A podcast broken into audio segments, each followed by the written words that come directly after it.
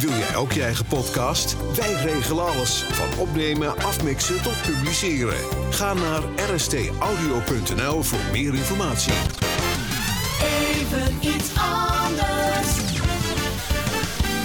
Dit is Smalltalk Podcast. Deze podcast is mede mogelijk gemaakt door RST Audio en Studio 2. Ga er maar voor zitten. Smalltalk de podcast. Even iets anders. Geen geklets, maar gesprek. Proef de sfeer, telkens weer. Welkom bij een nieuwe editie van Smalltalk. Smalltalk.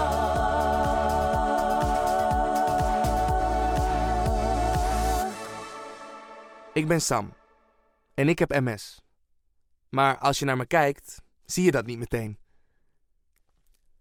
Veel symptomen van MS kun je niet zien of vallen niet op. Pijn bijvoorbeeld.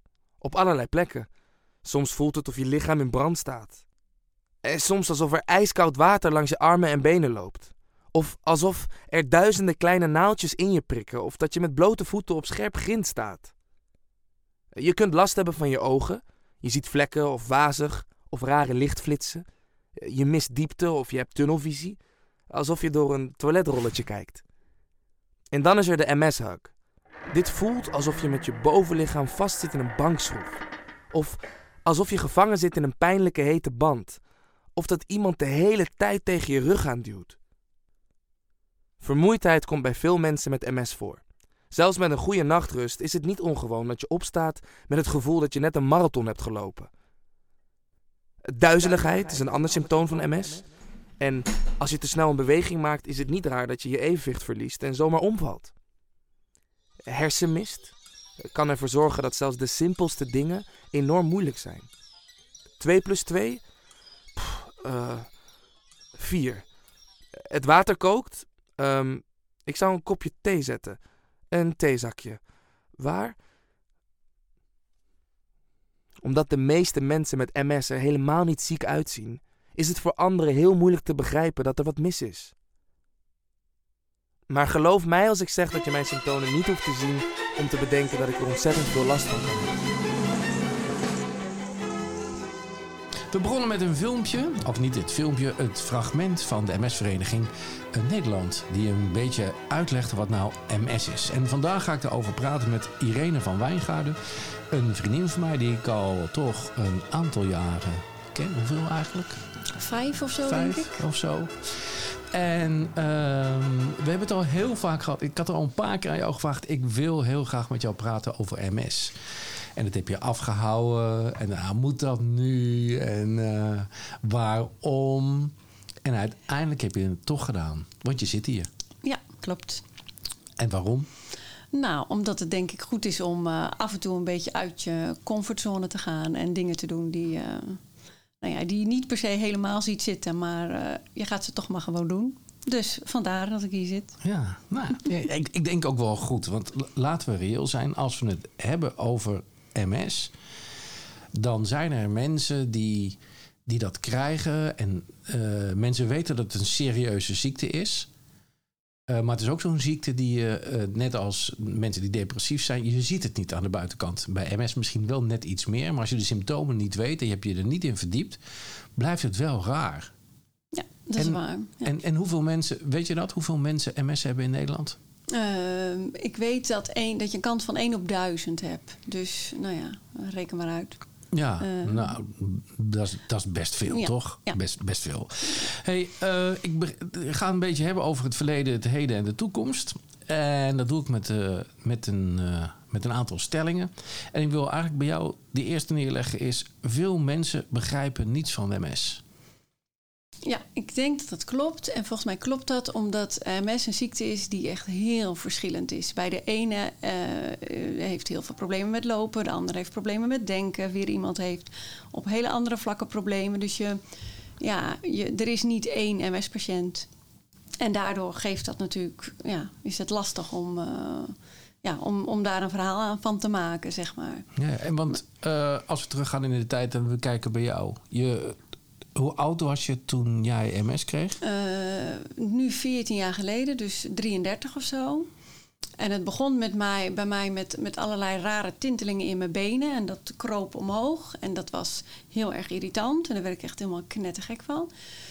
En ja, ik nam het zelf niet zo serieus. Ik dacht, nou ja, ik moet gewoon even een pilletje om dat weer eh, goed te krijgen. Maar goed, dat bleek dus bij de neuroloog dat dat dus MS was. En ja, dan schrik je heel erg en dan denk je, nou, nu is mijn leven voorbij of zo. Oh ja? Ja. ja dus je zit bij zo'n arts wel. en die gaat jou vertellen, ik heb MS. Of je hebt MS. Ja. ja, en toen.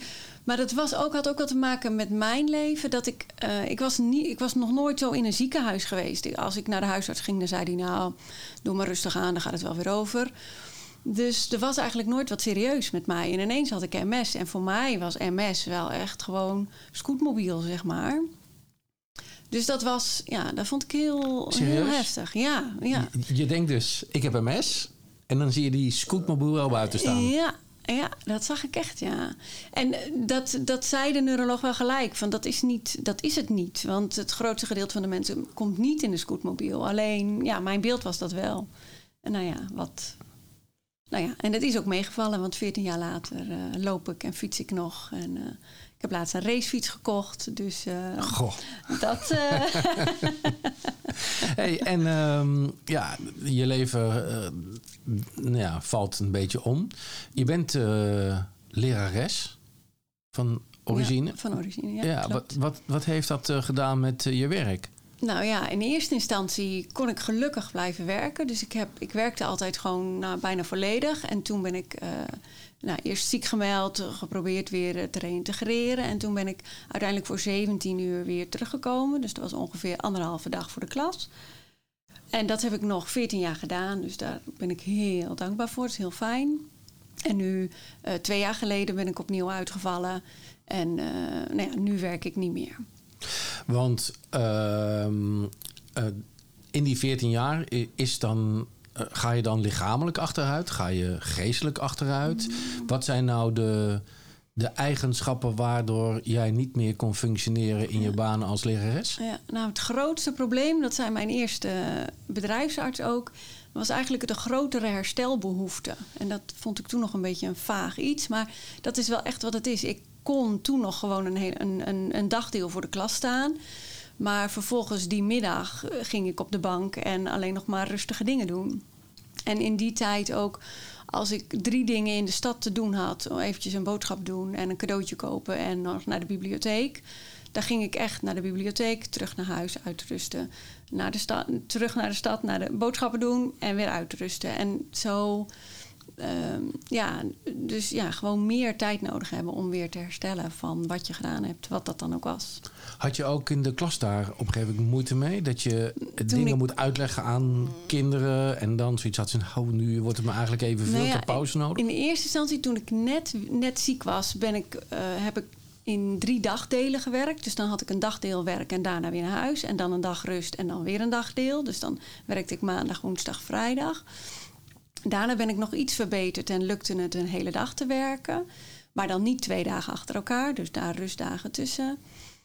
En op een gegeven moment kreeg ik meer cognitieve problemen en was ik eigenlijk morgens om half tien al te moe om nog verder te gaan. En dat, eh, ja, dat heeft me genekt uiteindelijk. Ja.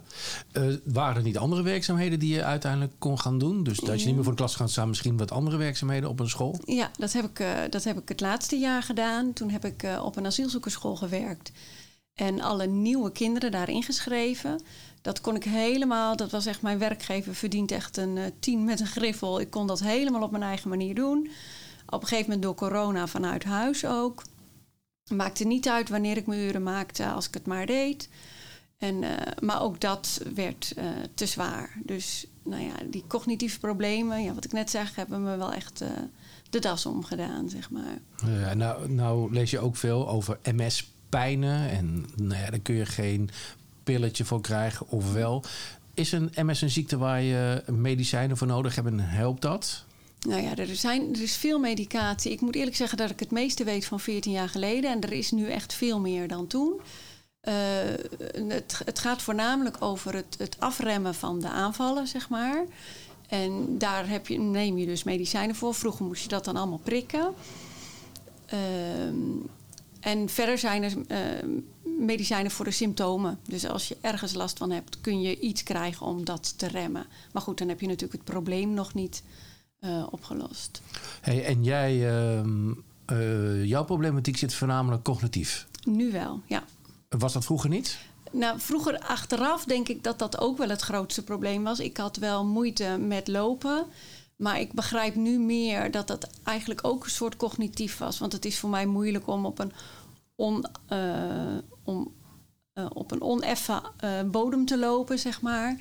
En dat komt volgens mij omdat ik niet goed snap hoe moet ik dan mijn voet zetten, waar moet ik hem zetten, zodat ik overeind blijf. En dat, dat hele spel van ja, dingen die normaal gewoon vanzelf gaan, zijn nu ineens ingewikkeld geworden.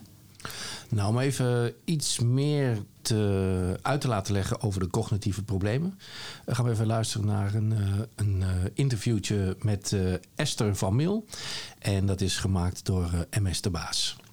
Als je MS hebt, denk je niet meteen aan cognitieve problemen. Maar juist die cognitieve problemen kunnen enorm van invloed zijn op het dagelijks leven. Maar wat is cognitie nu eigenlijk? Letterlijk betekent cognitie het denkvermogen, het vermogen om iets te leren. Uh, het is overigens niet hetzelfde als uh, intelligentie of het verstand, ja. wat sommige mensen wel, wel denken. Je hebt eigenlijk problemen met het verwerken van nieuwe informatie of van informatie. Onder cognitieve functies verstaan we alle processen die betrokken zijn bij het verwerken en opnemen van informatie. in, in hoeverre um, hebben bij jou die uh, cognitieve problemen zich opgestapeld? Was dat meteen vanaf het begin? Of kwam jij er in de loop der tijd achter dat jouw cognitieve problemen steeds erger of anders van aard werden in de afgelopen 14 jaar? Ja, weet je, de, um, eind 2018 heb ik voor het eerst gemerkt dat ik cognitieve problemen had. En dat was, dat was echt een hele rare gewaarwording. Ik weet nog dat ik de tafel ging afruimen. En ik had een kopje thee en een bordje en een mes en een potje jam. En er was ook een druppeltje jam gevallen. En ik was helemaal in de war over hoe ik dat nou moest doen. Moest ik al die, dat servies opstapelen, maar er was er nog dat druppeltje jam. Moet ik nou dat druppeltje jam met mijn vinger even oplikken? Of moet ik eerst naar de keuken lopen om een doekje te halen? En oh, als ik dan naar de keuken loop om een doekje te halen, kan ik beter wat meenemen. Maar wat moet ik dan meenemen? Nou, dat was gewoon een, een, een onwezenlijke taak die ik niet. Ik wist hem niet meer. En normaal ja, was ik ondertussen mijn les aan het voorbereiden. Dan was ik mijn ontbijt aan het maken of aan het ontbijten of op te ruimen. En ondertussen zat ik na te denken over kind A die gisteren dit moeilijk vond en hoe zou ik dat vandaag eens aanpakken. Dus het was een hele gekke gewaarwording dat ik dat niet meer, uh, ja, dat ik dat ineens niet meer deed. Dat het gewoon niet meer kon. En uh, was je toen nog steeds on, uh, onder behandeling? Of wist je meteen dat dat te maken had met je MS? Nou, ik, ik was, ik weet niet zo goed. Ik, ik was ook wel heel erg. Ik had ook wel heel veel vertrouwen dat het gewoon heel lang heel goed met mij zou gaan. Dus het was wel een beetje een, eh, een schok dat er nu ineens iets gebeurde. En ik dacht wel gelijk, nou, dit zal misschien met de MS te maken hebben. Maar op een gegeven moment kreeg ik ook wel nog, moe, nog heftigere uitvallen. En toen was ik eerlijk gezegd ook wel bang dat ik misschien dement was of zo. Dus je, je, je komt dat, gewoon. Dat kan ik me wel voorstellen. Ja, dat is echt niet lollig, zeg maar. Dus um, ja, dan word, je, dan word je ook bang. Dus vooral zeg maar die gewone kleine uitvalletjes. Of dat ik even niet weet hoe ik een ei moet koken. En dat dat even in stukjes geknipt moet worden. Dat, um, dat kan, ik, kan ik wel hebben. Maar als er grotere uitvallen waren, dan werd ik ook wel bang. En doordat je bang wordt, ja, kom je natuurlijk ook uit balans. En word je natuurlijk, krijg je ook weer meer uitval. Dus het is ook een beetje een spiraal waar je op een gegeven moment in terecht komt. Uh, ja, waar je ook weer gaat proberen om daaruit te komen. Nou, vind ik, uh, bewegen is altijd wel een onderwerp bij mij in, uh, in het programma. wil ik de volgende stelling bij je neerleggen? Bewegen is met MS een goed idee. Ja, dat denk ik wel. In de eerste 14 jaar van mijn ziekte moet ik zeggen dat ik daar heel veel over las. En mensen zag met, die echt gingen trainen en zichzelf gingen, gingen doelen stellen en daar hun best voor doen. En daar ging ik zelf helemaal niet in mee. Want ik zat die eerste 14 jaar wel heel erg op mijn lichaam serieus nemen. En uh, niet mezelf voorbij rennen. Want die neiging had ik wel een beetje daarvoor. Maar nu, sinds die cognitieve problemen, realiseer ik me en merk ik dat ik veel meer bezig ga met bewegen. Vooral ook omdat ik merk dat als ik cognitief overprikkeld ben en te veel gedaan heb, een beetje overbelast ben, dan helpt het om een wandeling te maken, een stuk te fietsen. Uh, hoe het precies komt, weet ik niet, maar dat is wel wat er helpt. Heb jij begeleiding gehad van bijvoorbeeld een fysiotherapeut of een oefentherapeut om, uh, om te leren bewegen met MS? Ik weet, ik heb met jou wel eens gewandeld, dat uh, als het te hard gaat, moet je wat rustiger gaan. Een onheffen stoep kan wel eens in de weg liggen. Ja, ik heb uh, daar wel gehad, maar mijn, mijn fysiek is wel een soort heel sterk, zeg maar. Dus de fysiotherapeut heeft me niet zo heel veel hoeven helpen. We hebben meer heel erg gekeken van als je zo moe bent, wat kan beweging dan doen om die vermoeidheid op te heffen? Jeroen Buil, en dat is een fysiotherapeut. En Helene Broekhoff is een oefentherapeut. Vertellen iets meer over MS en bewegen. En dat komt uit een filmpje van uh, MS Zorg Nederland. Fysiotherapie bestaat voornamelijk uit het geven van advies, voorlichting, het geven van training en het uitvoeren van bewegingsoefeningen. Mocht er gemerkt worden dat dit te weinig resultaat geeft, dan kan ervoor worden gekozen om te focussen op het aanleren van andere manieren van bewegen of het gebruik van hulpmiddelen, bijvoorbeeld voor het lopen.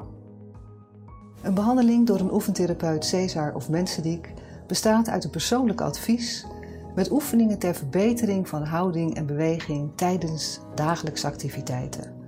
De patiënt gaat hier actief en zelfstandig mee aan de slag onder begeleiding van de oefentherapeut, leert daarmee zijn eigen lichaam veel beter kennen en werkt daarmee ook aan een oplossing voor de langere termijn. Het is tijd voor het leukste liedje. Zet me lekker hard. Pop, rock of gouden ouwe. Speciaal voor jou.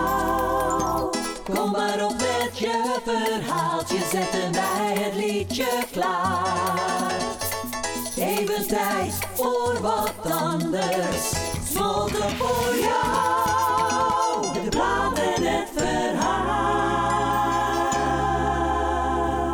Een onderwerp in uh, Smalltalk is de plaat en zijn verhaal.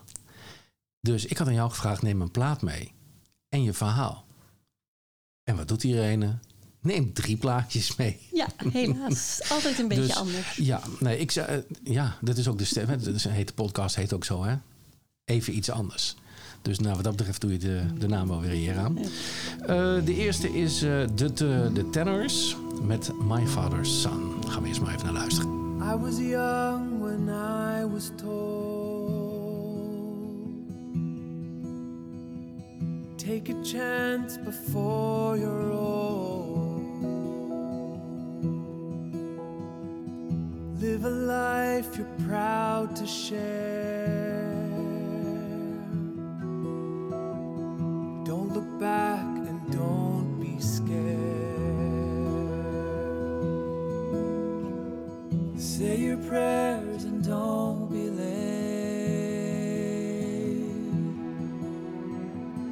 When in doubt,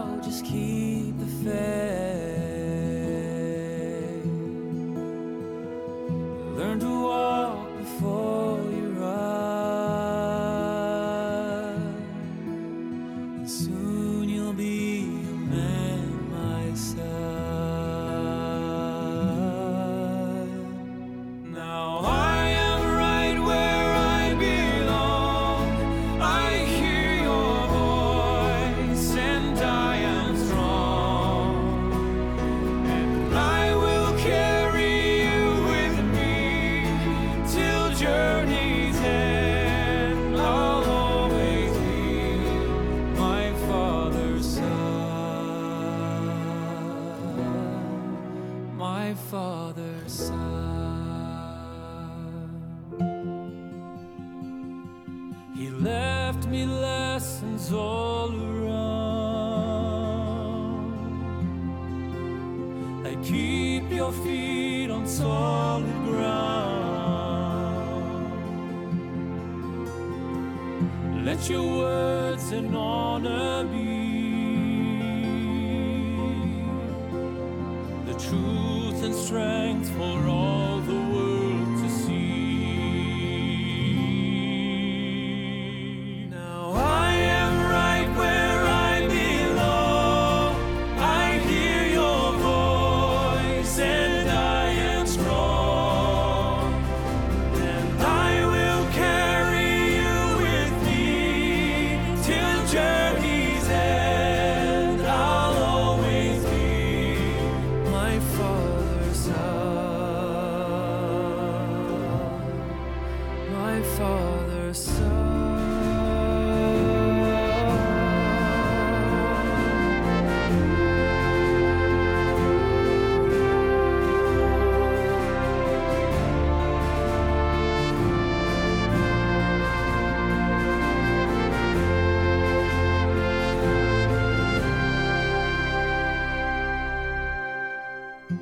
Find the one,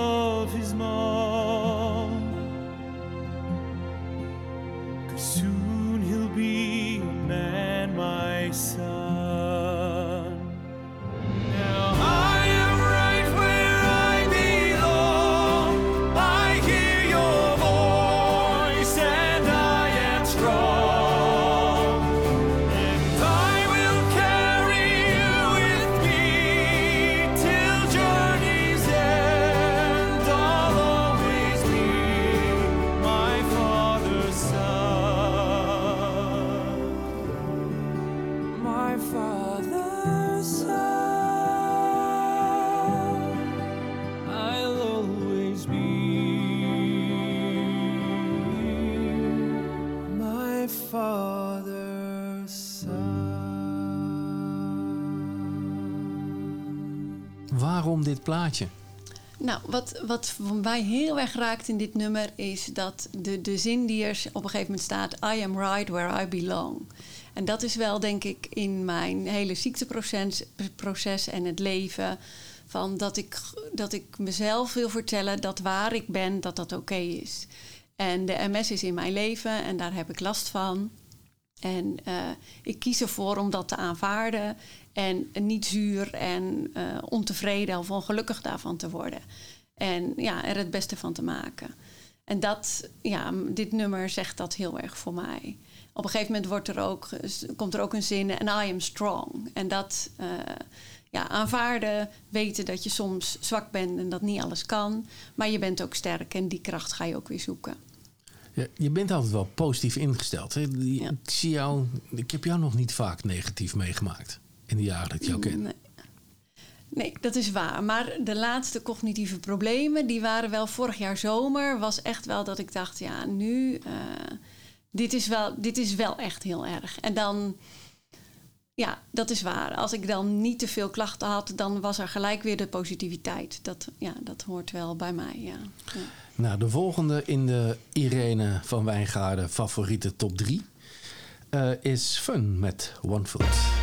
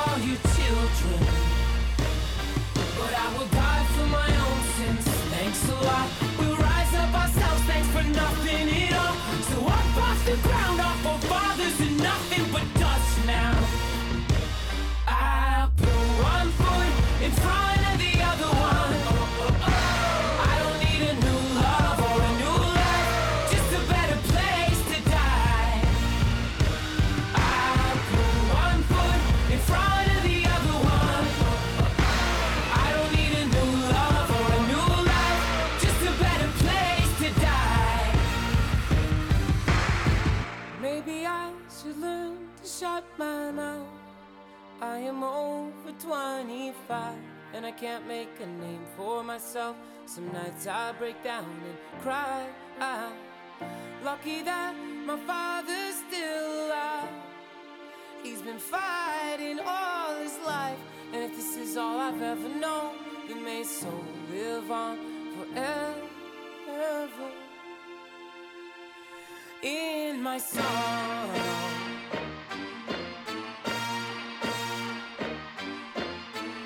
Da da da da.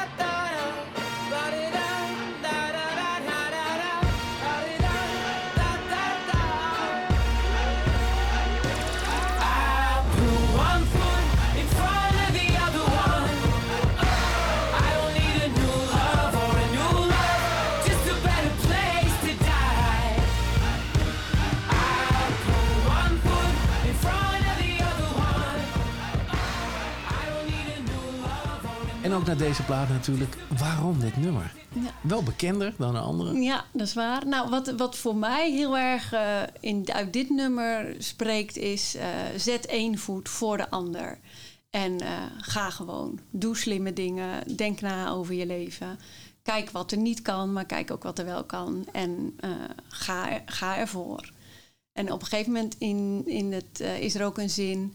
eh, I don't need a new love or a new life. Just a better place to die. En voor mij betekent dat... eh, ik hoef niet per se een leven met heel veel reuringen... een grote carrière of wat dan ook. Maar ik wil in balans zijn met mezelf. En dan, dat staat voor mij... Just a better place to die. Is, ja, doodgaan doe je ook in je eentje. En, eh, en met in balans met jezelf en tevreden met hoe het is. Wil jij ook je eigen podcast? Wij regelen alles. Van opnemen, afmixen tot publiceren. Ga naar rstaudio.nl voor meer informatie. Zo, en dan nu even tijd voor een kopje thee. Ah, lekker. Even bijkomen. Mijn oren staan te klapperen. We gaan zo weer verder.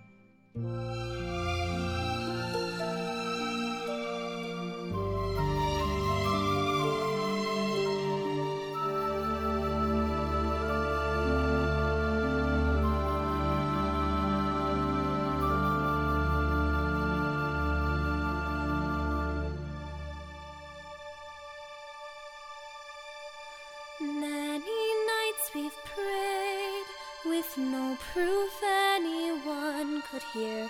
In our hearts, a hopeful song we barely understood.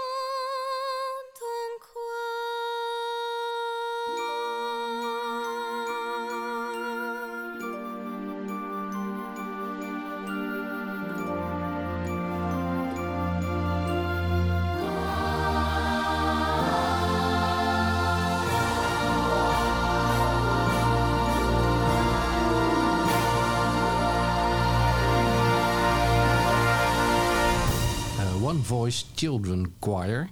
When You Believe. Dat is de laatste op je lijstje. Ja.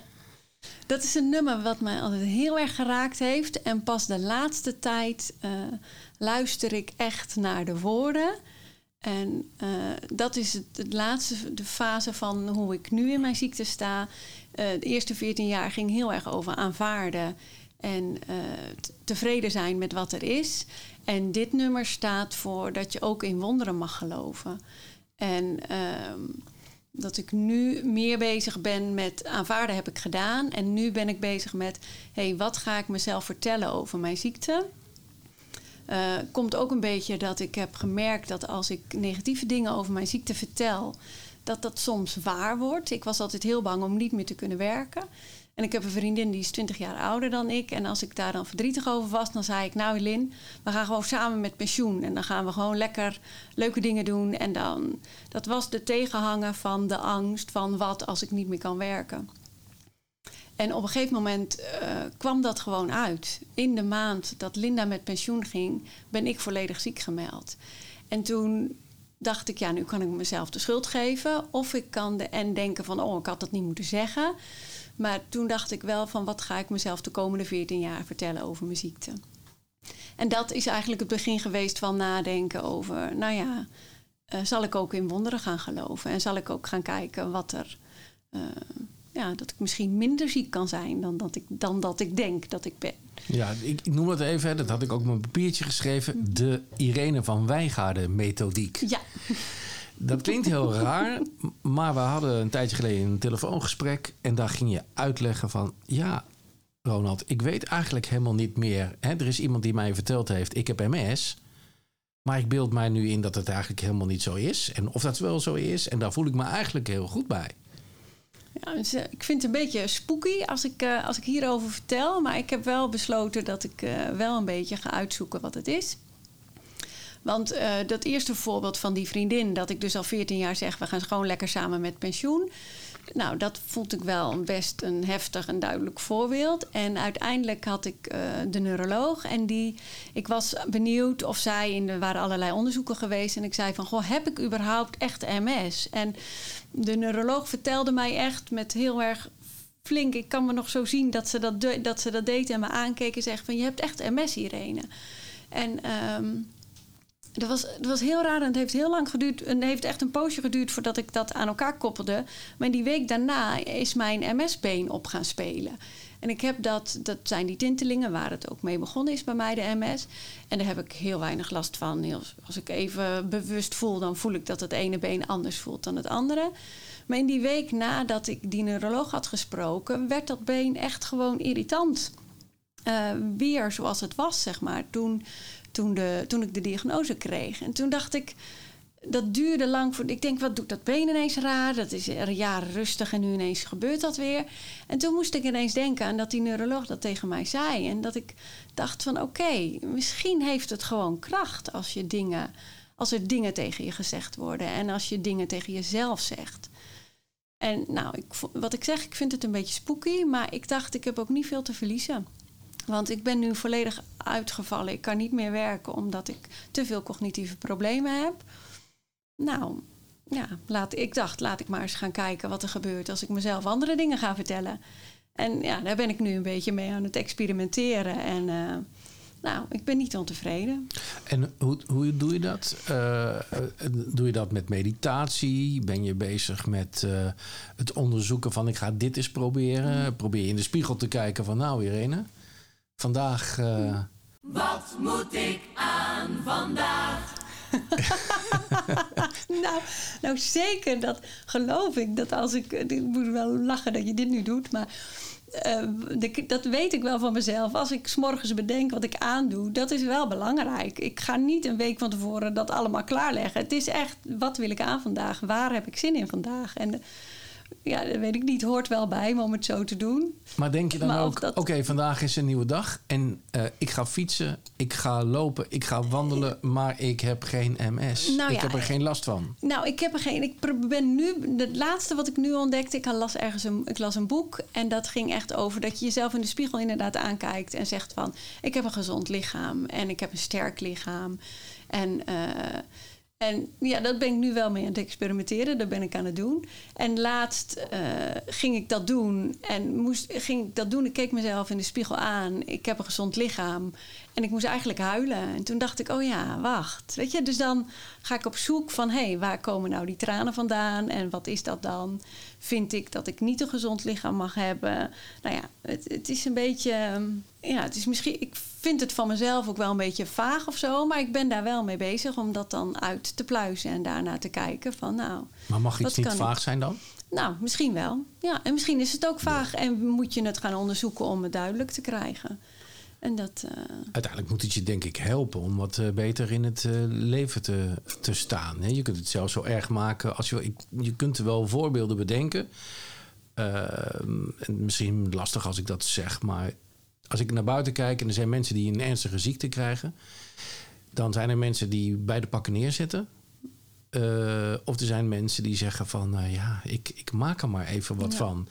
En niet dat het een levensverlenger is, maar uit, uiteindelijk is het ook van hoe ga je ermee om? ja, ik denk dat dat waar is. Maar ik weet ook van mezelf, toen ik net ziek was, dan ben je eerst wel uit het lood geslagen. En ben je echt de weg kwijt. En denk je, mijn lieve help, wat gaat er gebeuren? En naarmate het rustiger wordt en je dingen verwerkt, kan je weer positievere dingen zien en daarna kijken. Dus ik vind het moeilijk om te zeggen dat iedereen het zo zou moeten doen.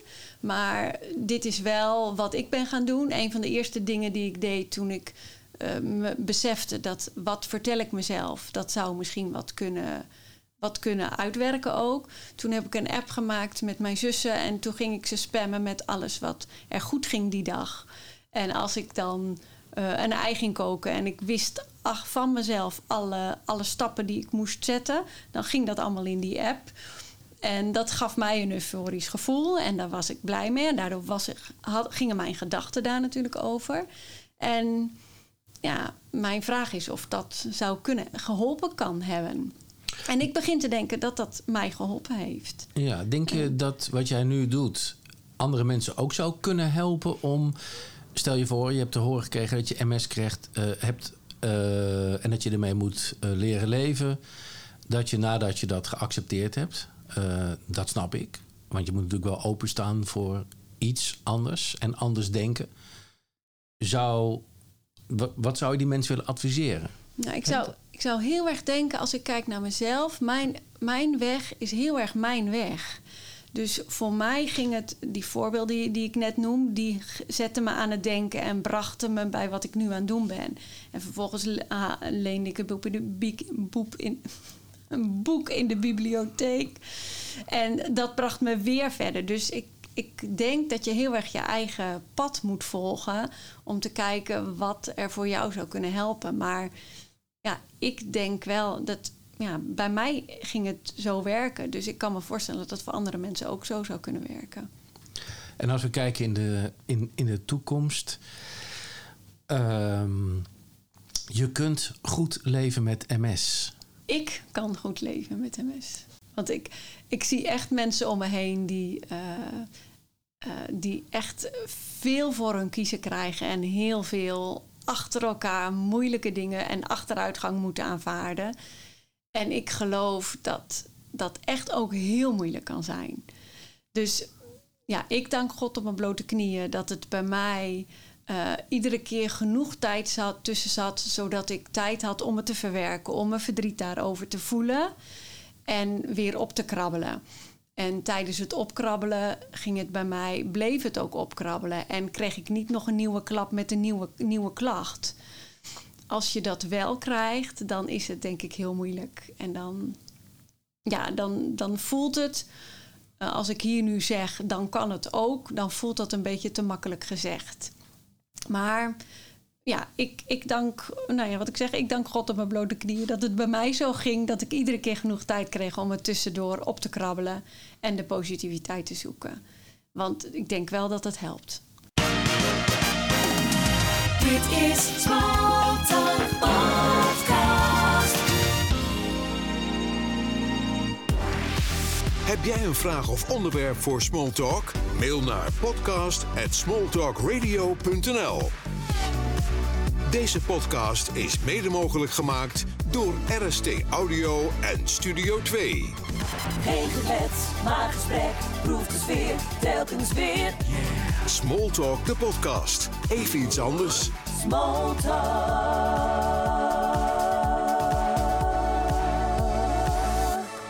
Wil jij ook je eigen podcast? Wij regelen alles. Van opnemen, afmixen tot publiceren. Ga naar rstaudio.nl voor meer informatie. RST Audio.